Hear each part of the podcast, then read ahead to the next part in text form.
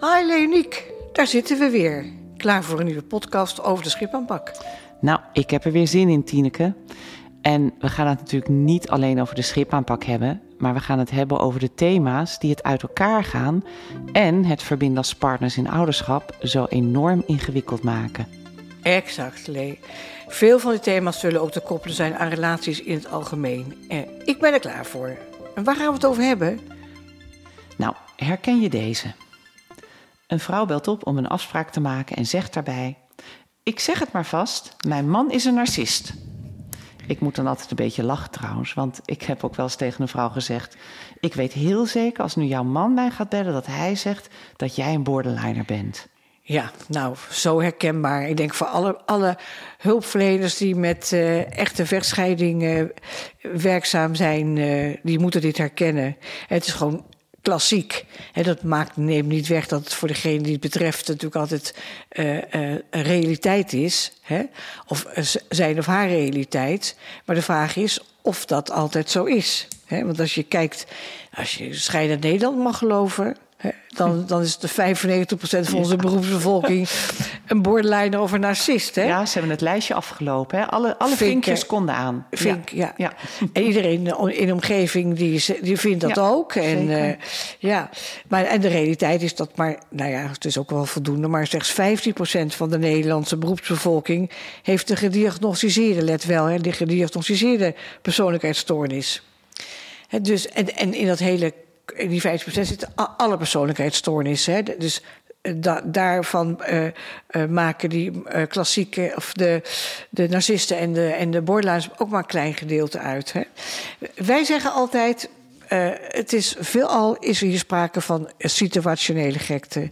Mensen die zich bedreigd voelen en niet gezien voelen, al wanhopig zijn, die gaan zich overeenkomstig gedragen. En, en hè, mensen worden vaak monsters, ongeleide projectielen, niet meer herkenbaar voor zichzelf of, en voor de buitenwereld.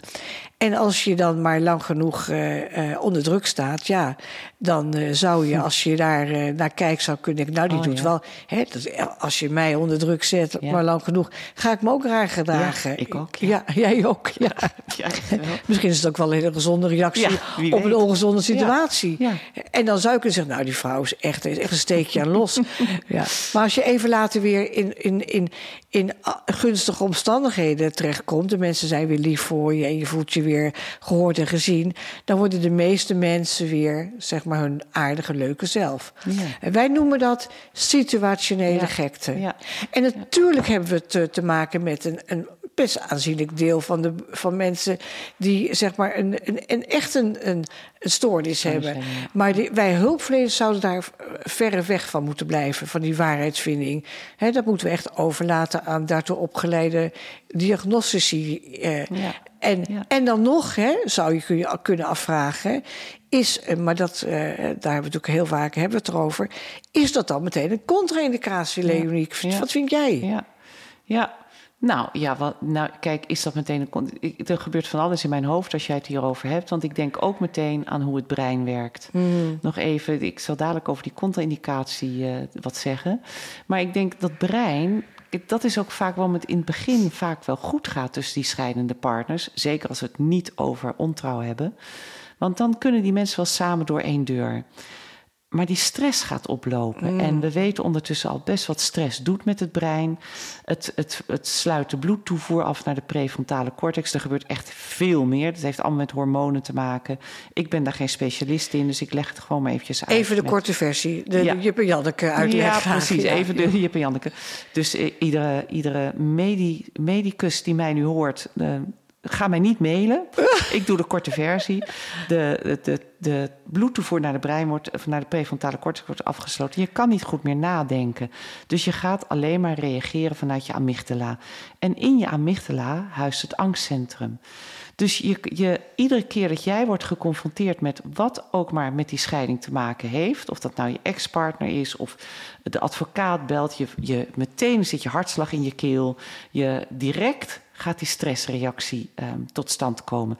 En dan kun je dus niet meer goed nadenken. Dit herkennen we allemaal. Jeetje, ik heb ook de nodige stress gehad in mijn leven. Dan kon ik ook niet meer nadenken. Ja. En, en dan pak ik toch weer een klein beetje die omgeving erbij. Eigenlijk zou in zo'n situatie de omgeving je prefrontale cortex moeten zijn, maar wel op een neutrale manier. Maar goed, daar hebben we het eerder over gehad. Die schieten natuurlijk ook de kant van het helpen op en denken jou te helpen om je juist in dat conflict te houden.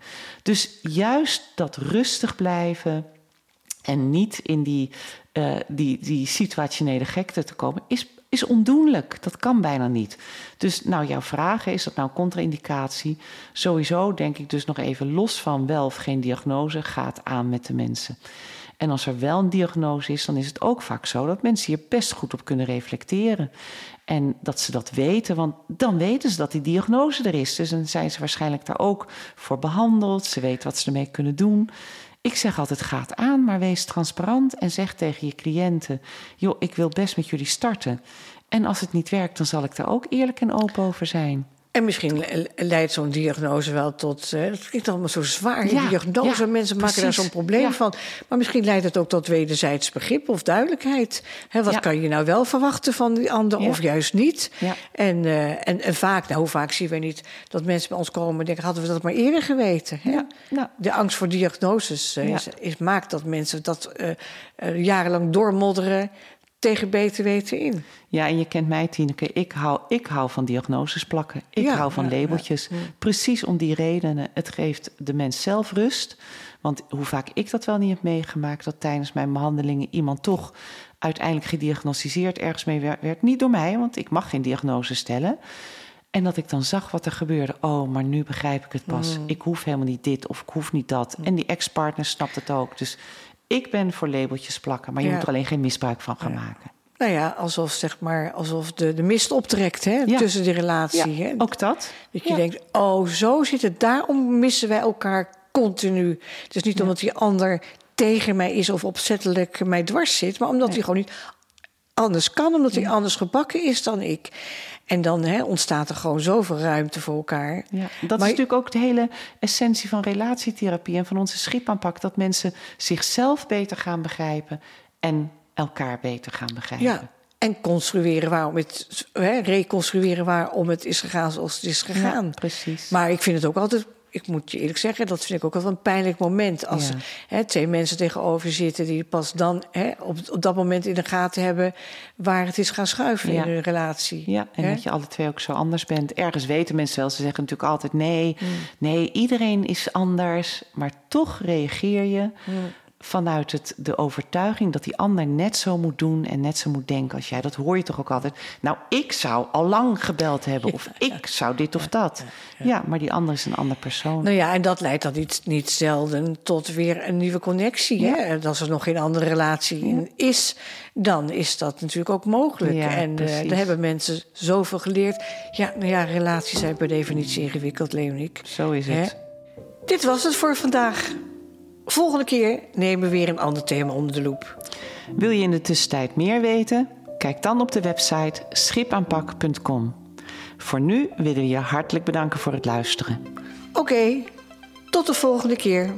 Deze podcast kwam tot stand met Tineke Rodeburg en Leoniek van der Marel, ontwikkelaars van de Schipaanpak, en Kiki Stordio, die heeft gezorgd voor de regie en de muziek.